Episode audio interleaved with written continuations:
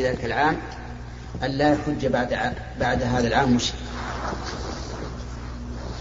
فاختار الله لنبيه أن تكون الحج أن يكون حجه حجا خالصا لا يشركه معه المشركون. الشيء الثالث السبب الثالث أن النبي صلى الله عليه وعلى آله وسلم أذن في الناس أي أعلمهم في النا... في... بأنه حاج سنة عشر من الهجرة.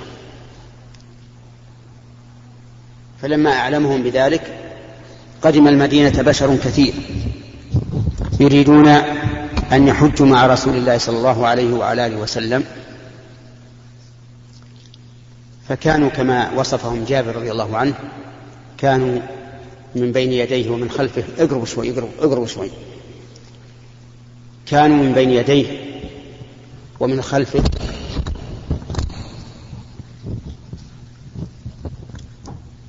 كانوا من بين يديه ومن خلفه وعن يمينه وعن شماله. مد البصر. فلهذه الأسباب ولغيرها مما لا نعلمه أخر النبي صلى الله عليه وعلى آله وسلم الحج إلى السنة العاشرة. أما من من يجب عليه الحج وهذا هو ال... وهذه المسألة الرابعة فالحج يجب على كل مسلم حر بالغ عاقل مستطيع. خمس شروط. أن يكون مسلما حرا بالغا عاقلا مستطيعا. فأما المسلم فضده الكافر لا يجب عليه الحج وليس معنى قولنا لا يجب الحج على الكافر أنه لا يعاقب على تركه وإنما معناه أن لا نأمره به لأننا نأمره أول أن يسلم ثم بعد هذا نأمره. ببقية شرائع الإسلام أما في الآخرة فإنه يعذب عليه ويعاقب عليه. ولهذا يتساءل أصحاب اليمين عن المجرمين ما سلككم في سقر؟ قالوا لم نكن من المصلين ولم نكن نطعم المسكين وكنا نخوض مع الخائضين وكنا نكذب بيوم الدين. فذكروا الصلاة مع أن الصلاة لا تلزمهم إلا إذا أسلموا. الحر ضده الرقيق المملوك فلا يجب عليه الحج. أولا لأنه ليس عنده مال إذ أن ما بيده من المال لمالكه. وثانيا أنه مرهون لسيده في الواقع.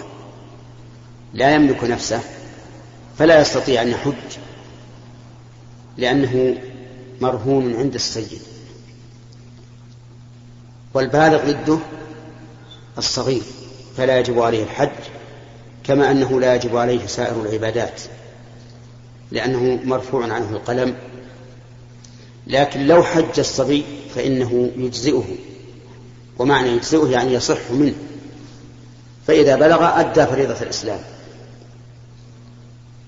وهنا ربما نتساءل هل الأفضل في أوقاتنا هذه أن نحجج أولادنا الصغار أو لا؟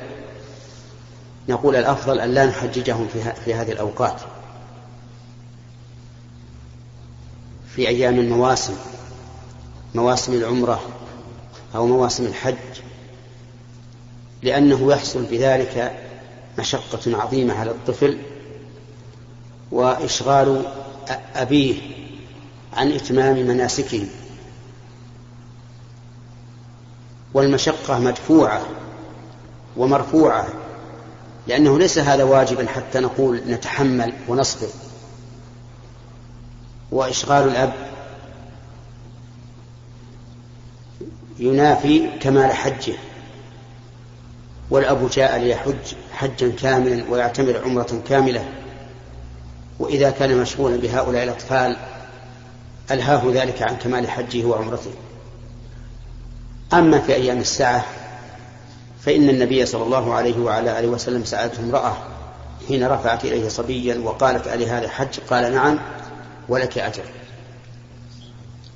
لكن في أيامنا هذه في هذه الزحمات الشديدة التي يكاد الرجل القوي أن يتعب بل ربما يهلك بعض الناس فإننا لا نرى أنه ينبغي للإنسان أن يحجج أطفاله. بل يريحهم ويستريح من عنائهم وتعبهم آه، العاقل ضده المجنون. فالمجنون لا يجب عليه الحج ولا يصح منه الحج لأنه فاقد العقل ولا نية له. وأما المستطيع فالاستطاعة نوعان استطاعة بالبدن واستطاعة بالمال فمن لم يكن مستطيعا بماله فإنه لا يلزمه الحج. كالفقير والمدين وما أشبههما.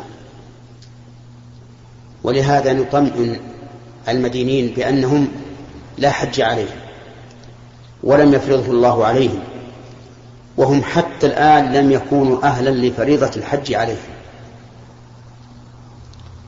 ونقول لا تقلقوا. أليس الرجل الفقير لا تلزمه الزكاة؟ الجواب بلى لا تلزمه الزكاة. ومع ذلك لا يقلق لا يقول ليتني غنيا حتى حتى أؤدي الزكاة. كذلك أيضا الإنسان الذي لا يستطيع الحج لوجوب لوجوب دين عليه نقول لا تقلق يا أخي حتى الآن لم تكن أهلا للفريضة. ولو مت للاقيت الله عز وجل غير آثم. لأنها لأنها لم تجب عليك. ولكن مع الأسف أن بعض الناس اليوم يرتكبون خطأ. تجده مغرقا بالدين وربما يكون دينه حالا فيذهب ويحج. مع أن الحج في هذه الحال غير واجب عليه. فيأتي شيئا غير واجب ويدع شيئا واجبا. والريال أو الدرهم الذي تنفقه في الحج أنفقه في, في قضاء الدين فهو خير لك. والدين ليس في الأمر الهين حتى يتهاون به الإنسان. إذا مات الإنسان فإنه قد روي عن النبي عليه الصلاة والسلام أن نفسه معلقة بدينه حتى يقضى عنه. وكان النبي عليه الصلاة والسلام إذا قدم إليه ميت وعليه دين ولم يخلف قضاء امتنع من الصلاة عليه ولم يصلى عليه. وسئل عن الشهادة يعني عن الرجل يقتل في الجهاد شهيدا هل يكفر عنه بالشهادة؟ فقال نعم. ثم قال للسائل إن جبريل أتاني آنفا وقال إلا الدين. فالشهادة وهي الشهادة لا تكفر الدين. لهذا يجب على الإنسان أن لا يتهاون به. وإذا كان النبي عليه الصلاة والسلام لم يرشد الفقير الذي قال ليس عندي مهر لم يقل استسلف للمهر. قال له التمس ولو خاتم من حديد قال لا أجد. قال معك شيء من القرآن؟ قال نعم. قال زوجتكها بما معك من القرآن. ولم يأذن له بل ولم يرشده إلى أن يتدين من أجل أن يتزوج. مع أن الزواج واجب على الإنسان إذا كان ذا شهوة ويخاف على نفسه. فالذي أرجوه من, من إخواني الذي الحاضرين الآن والذين يسمعون إلى كلامي أن يحرصوا غاية الحرص على إبراء ذممهم وعدم إشغالها بالدين فإن ذلك من السفه في التصرف ومن الخطأ من من الناحية الدينية. ولا ينبغي الإنسان أن يتدين سلفا أو غير سلف إلا إذا كان هناك ضرورة أو شيء لا بد منه أو إنسان يعرف أنه سيوفي عن قرب كرجل يحتاج في أثناء الشهر شيئا ويعرف أنه في في آخر الشهر سيحصل على الراتب مثلا ويوفي. فهذا أمر سهل. أما الاستطاعة بالبدن في الحج فأن يكون الإنسان قادرا على أداء الحج بلا مشقة شديدة فإن كان عاجزا نظرنا. إن كان عجزه يرجى زواله. كإنسان جاء وقت الحج جاء وقت الحج وهو وهو مريض مرضا عاديا فلينتظر حتى يبرأ ويحج. وإن كان عجزا لا يرجى زواله كمرض السرطان. مثلا نسأل الله وإياكم السلامة. وكالكبر.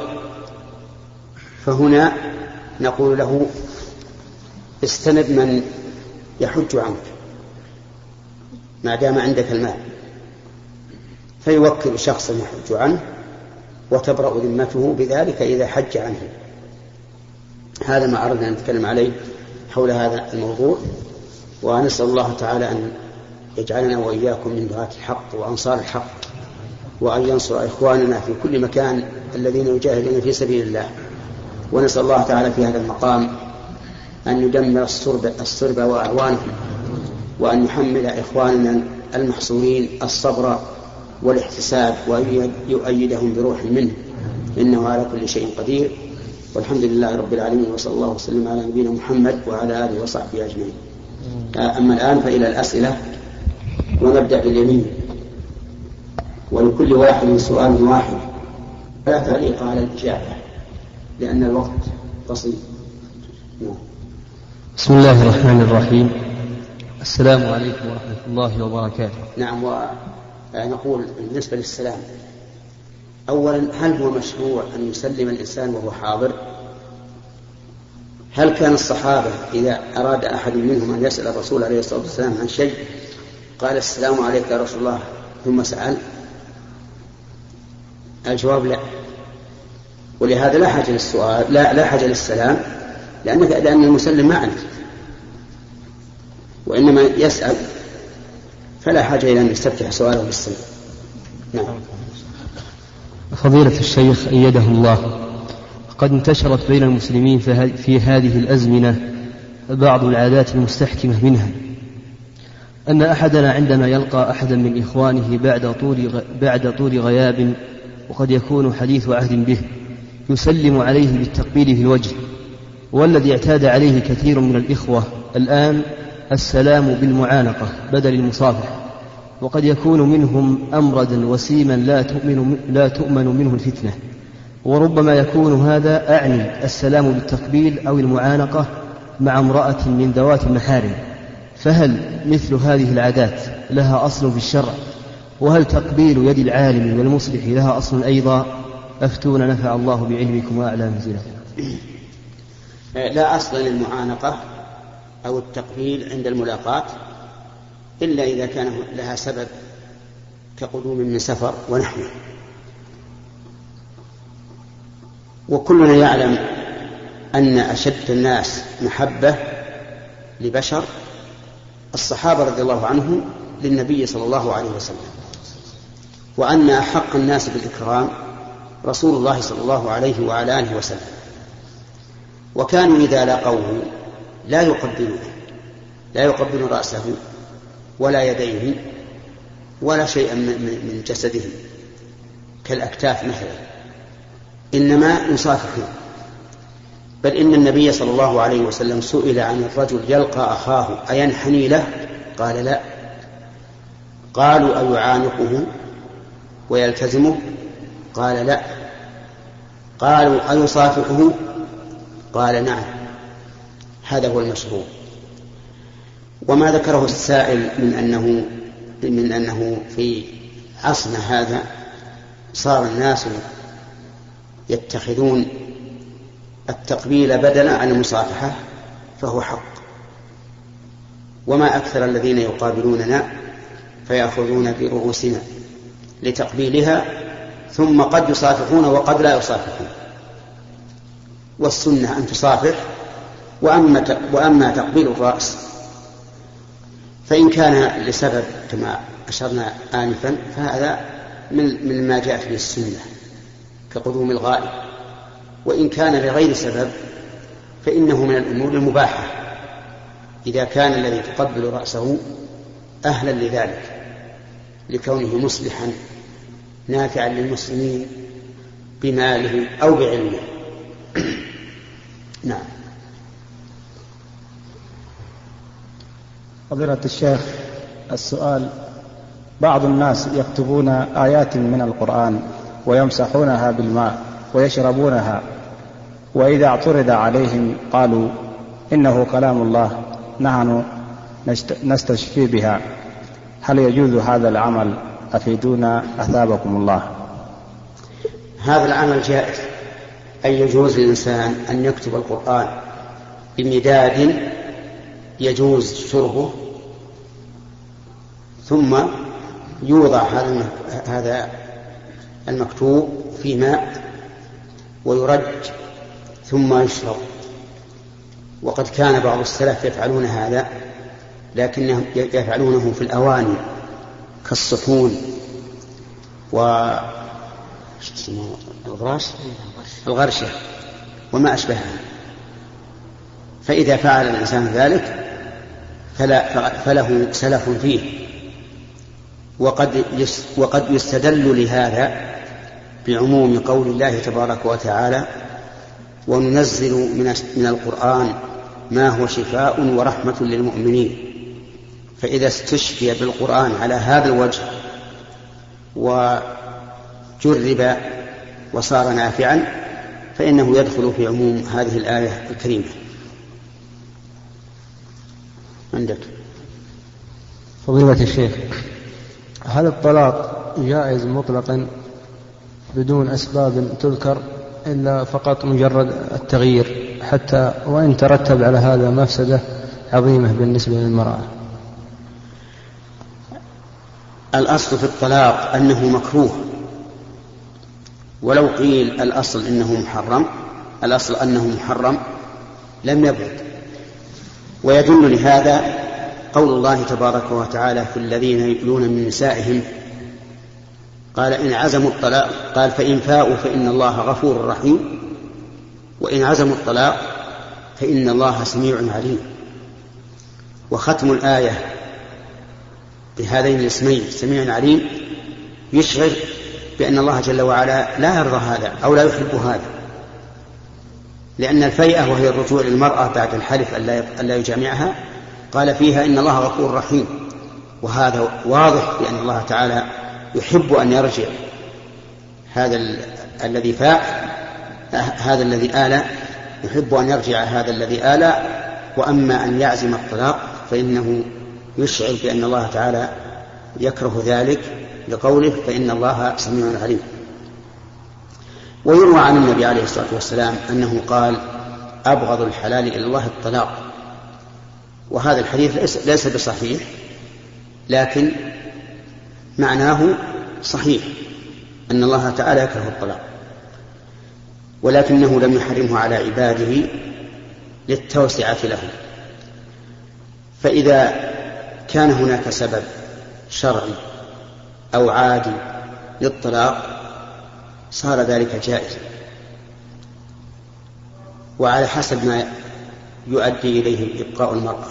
إن أبقى إن كان إبقاء المرأة يؤدي إلى محذور شرعي لا يتمكن رفعه فإنه يطلقها. كما لو كانت المرأة ناقصة الدين أو ناقصة العفة وعجز عن إصلاحها فهنا نقول طلق. الأفضل أن تطلق. أما بدون سبب شرعي أو سبب عادي فإن الأفضل ألا يطلق بل إن الطلاق مكروه. نعم. فضيلة الشيخ أثابكم الله. هل تصح الصلاة خلف رجل يقول أن القرآن مخلوق وأن آه، صاحب الكبيرة مخلد في النار إذا كان إمام في المسجد؟ يقول إيش؟ يقول أن القرآن مخلوق نعم. أن صاحب الكبيرة مخلد في النار. هذا مذهب الأباضية نعم. الجواب على هذا أن نقول كلما كانت الصلاة خلف إمام أتقى لله فهي أفضل. فإن كانت خلف المبتدع نظرنا إن كانت بدعته مكفرة فإن الصلاة خلفه لا تصح لأنه كافر والكافر لا صلاة له ولا إمامة له. وإن كانت بدعته مفسقة فإن الأولى أن لا يصلي خلفه لما في ذلك من من غروره بنفسه إذا رأى الناس يصلون خلفه واغترار الآخرين بصلاة هذا الرجل خلفه لكن لا سيما إن كان هذا الرجل ممن يشار إليه. فإنه لا يصلي خلف المبتدع ولو كانت بدعته مفسقة لئلا يغر الناس بصلاته خلفه. نعم. فضيلة الشيخ هل التورك في الرباعية فقط؟ الصلاة الرباعية فقط؟ التورك بارك الله فيك يكون في التشهد الثاني من كل صلاة فيها تشهدان كالمغرب والظهر والعصر والعشاء. وأما الصلاة التي فيها تشهد واحد فإنه لا يتورك فيها.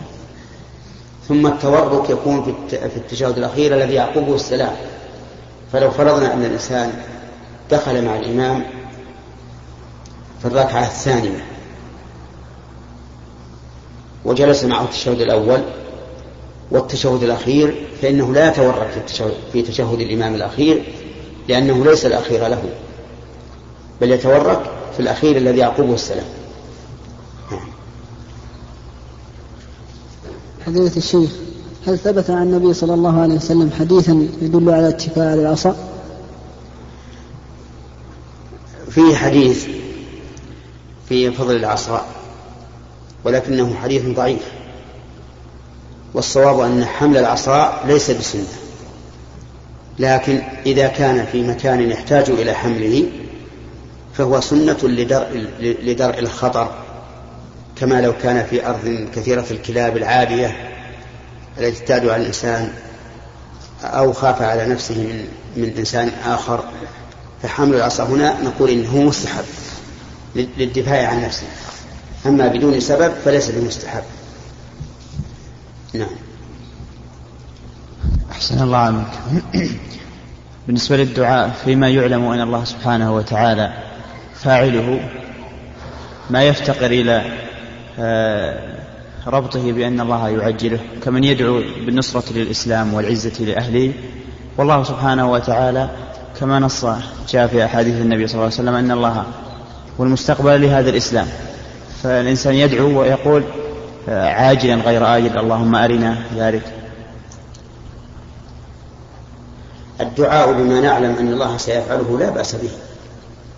ولهذا نحن نقول اللهم صل على محمد فندعو له بالصلاة عليه مع أن الله أخبرنا أنه يصلي عليه فهو أمر معلوم. إن الله وملائكته يصلون على النبي ونقول اللهم رب هذه الدعوة التامة والصلاة القائمة آت محمد الوسيلة والفضيلة وابعثه مقاما محمودا. والوسيلة درجة في الجنة لا ينالها إلا عبد من عباد الله صالح. قال النبي عليه الصلاة والسلام وأرجو أن أكون أنا هو. ورجاؤه هذا إن شاء الله سيتحقق. والدعاء بنصر الإسلام والمسلمين ليس معناه أن الإنسان لا يؤمن بأن الله ينصر الإسلام. إن الله سينصر الإسلام. لكن دعوته هذه تتضمن أن يتحقق المسلمون بالإسلام الذي يستحق النصر عليه من تمسك به. لأن المسلمين اليوم مع الأسف الشديد ليسوا على على الطريق الذي ينبغي أن يكونوا عليه بل ولا على الطريق التي يجب أن يكونوا عليها. كثير من المسلمين اليوم عندهم صدود عن سبيل الله وصد عن سبيل الله أي أنهم صادون بأنفسهم وصادون بغيرهم. ما أكثر المتهاونين بالصلاة ما أكثر الباخلين بالزكاة ما أكثر ما, ما أكثر الشاكين في, في, في أمر الإيمان بالله وما أكثر الذين يغتابون عباد الله ما أكثر الذين يأكلون يأكلون لحوم الذين يأمرون بالقسط من الناس. فالمهم أن المسلمين اليوم مع الأسف الشديد على حال مرثى لها. ولو أنهم نصروا الله بنصر دينه لنصرهم الله كما نصر سلفهم الصالح. كلنا يعلم أن العرب أمة ضعيفة مهينة ذليلة فقيرة. قبل الرسالة وبعد الرسالة وحين تمسكوا بالإسلام صاروا أمة عزيزة غالبة. حتى إن تاج كسرى ملك أعظم دولة في ذلك الوقت جيء به من المدائن إلى المدينة حتى وضع بين يدي الخليفة الراشد عمر بن الخطاب رضي الله عنه. وهل فوق هذا العز من عز؟ لكن مع الأسف أن المسلمين كما ترون اليوم متخاذلون ليس عندهم من القوة والعزيمة ما يدافعون عن أنفسهم. ولا أدل على ذلك مما نحن فيه اليوم. ففي في بلاد الإسلام اليوم من تنتهك أعراضهم وتهدم مساجدهم وتغنم أموالهم وتسبى ذريتهم من النصارى. ونحن أمة ساكتة. لا نتكلم ولا إعلاميا بما يجب علينا أن نتكلم به وما يفعل بالمسلمين اليوم في البوسنة أمر يفطر الأكباد في الواقع.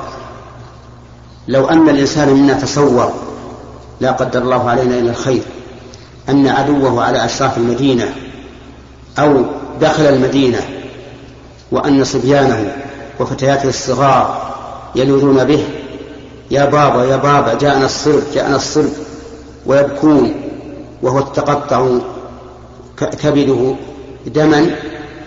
هل نحن نشعر هذا الشعور الآن؟ أبدا. كل واحد منا على فراشه مع أهله ولا كأن شيئا يجري على إخوانه. ثم كما قال بعض بعضهم بعض الإخوان البوسنيين قالوا لو أن هذا جرى علينا من هيئة الأمم المتحدة مثلا لكان أهون علينا من أن يجري علينا هذا من نصارى أعداء لنا والنصارى ليسوا أعداء للبوسنة فقط. وليس نصارى البوسنة أعداء فقط أعداء فقط. النصارى أعداء لكل مسلم في كل بلاد الله. سواء كانوا من صرب البوسنة أو من غيرهم. لكن مع الأسف والله أن الإنسان أحيانا لا ينام سريعا كما ينام في العادة. إذا تذكر هؤلاء الإخوان المحصورين على يد هؤلاء الصرب المعتدين الظالمين. ثم الأمم المتحدة ماذا صنعت؟ صارت أذل شيء في هذه في هذه الحرب. الصرب يدخلون على الدبابات والأسلحة التي في حيازة الأمم المتحدة يدخلون عليها وفيها الحراس ثم يأخذونها يقاتلون بها المسلمين. ولا سمعنا أحدا رفع صوته مدويا من رؤساء المسلمين ينكر هذا الفعل. فأين أين التناصر بين المسلمين؟ أين أين التناصر بين المسلمين؟ وكيف يمكن أن ننصر ونحن نتخاذل هذا التخاذل فأنت إذا دعوت الله بنصر المسلمين أو بنصر الإسلام والمسلمين تدعو الله سبحانه وتعالى أن يهيئ المسلمين إلى حال يكونون فيها أهلا للنصرة. فنسأل الله تعالى أن يعيد لنا عزنا ومجدنا وأن يصلح ولاة أمورنا حتى يقوموا بما أوجب الله عليهم. المسلمون اليوم ألف مليون أو أكثر ومع ذلك كما ترون أمة ضعيفة مهينة. تتكلم وسائل الإعلام بأشياء هامشية يتكلمون بها من عشرات السنين ولم تجد شيئا. لكن مثل هذه المسائل الكبار ثم من يأمن أنهم إذا سالوا على هذا هذه البلدة التي الآن يحاصرونها أن يدبوا أيضا إلى إلى نفس ريف ثم إلى ألبانيا ثم إلى كل المسلمين في البلقان. من فضلك اقلب الشريط